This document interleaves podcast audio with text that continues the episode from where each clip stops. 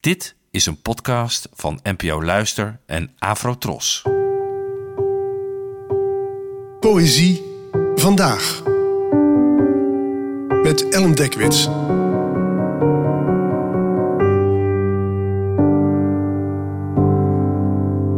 Hallo, fijn dat je luistert. Het gedicht van vandaag heet De Middelen en werd geschreven door de Nederlandse dichteres Anne Vechter, geboren in 1958. De Middelen. Wat helpt, is een wonder. Een zintuig is ook een gunst. Wat helpt, is een tatoeage. Liefde is de som van gemis. Wat helpt, is de zin van een peer, die open scheurt in de pluk. Wat helpt, is een dwars kind. Het verandert, het begint. Wat helpt, is de gift van een vriend. Hij likt zijn schitterende hand. Wat helpt, is een buigende koning.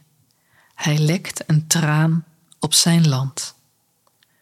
Soms hou je aan een gedicht, om de bekende dichter Ilja Leonard Pfeiffer maar eens te citeren. Geen antwoorden over, maar vermoedens.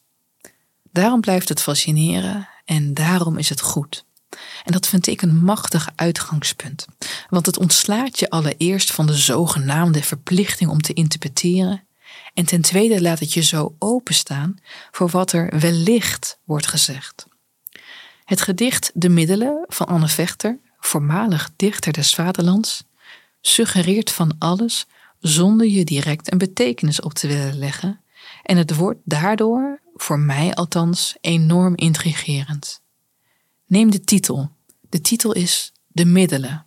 Maar wat voor middelen zouden dat kunnen zijn? Verdovende? Instrumenten? Manieren?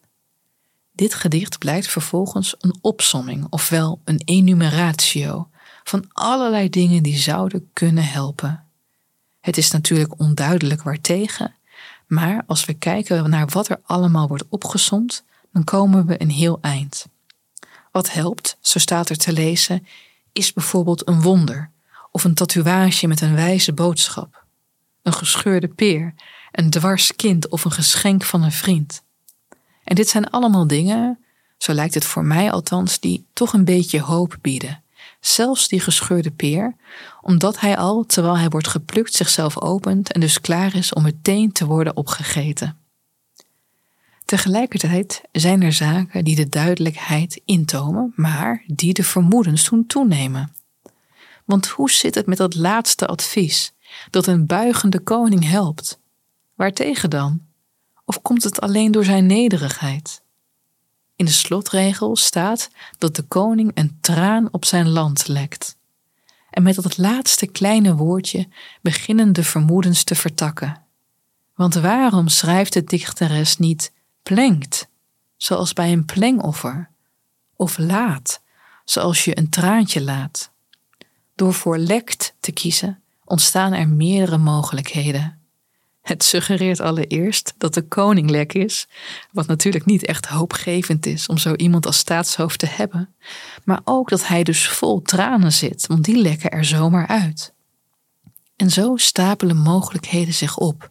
En wil je het gedicht herlezen? En nog een keer en nog een keer. Dat is voor mij een van de grote krachten van poëzie. Niet de conclusie, maar de suggestie. Niet het letterlijke, maar het mogelijke.